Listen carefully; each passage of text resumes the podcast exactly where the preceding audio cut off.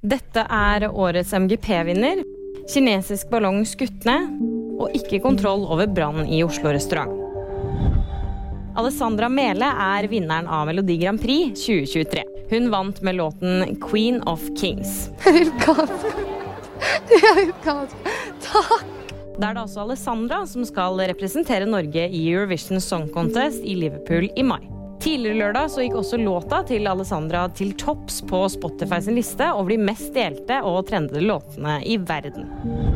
Den kinesiske ballongen som har fløyet over USA, har eh, blitt skutt ned. Ballongen har ført til stans i flytrafikken i deler av Nord- og Sør-Carolina. Biden-administrasjonen sa tidligere lørdag at ballongen skulle skytes ned. Ballongen har skapt stor oppstandelse i USA, som mener at det er en spionballong. Mens Kina på sin side sier at det er snakk om en sivil værballong. Det brenner i Festningen restaurant ved Akershus festning i Oslo sentrum. 13 personer er evakuert, og de ivaretas av ambulansepersonell på stedet. Én er fraktet til legevakt. Det er full fyr i hele bygget, og røyken sprer seg i Oslo sentrum, sier politiet. Brannvesenet har lørdag kveld ikke kontroll på brannen, men er i gang med å slukke. Og VG-nyhetene de fikk du av meg, Kaja Marie Andreassen.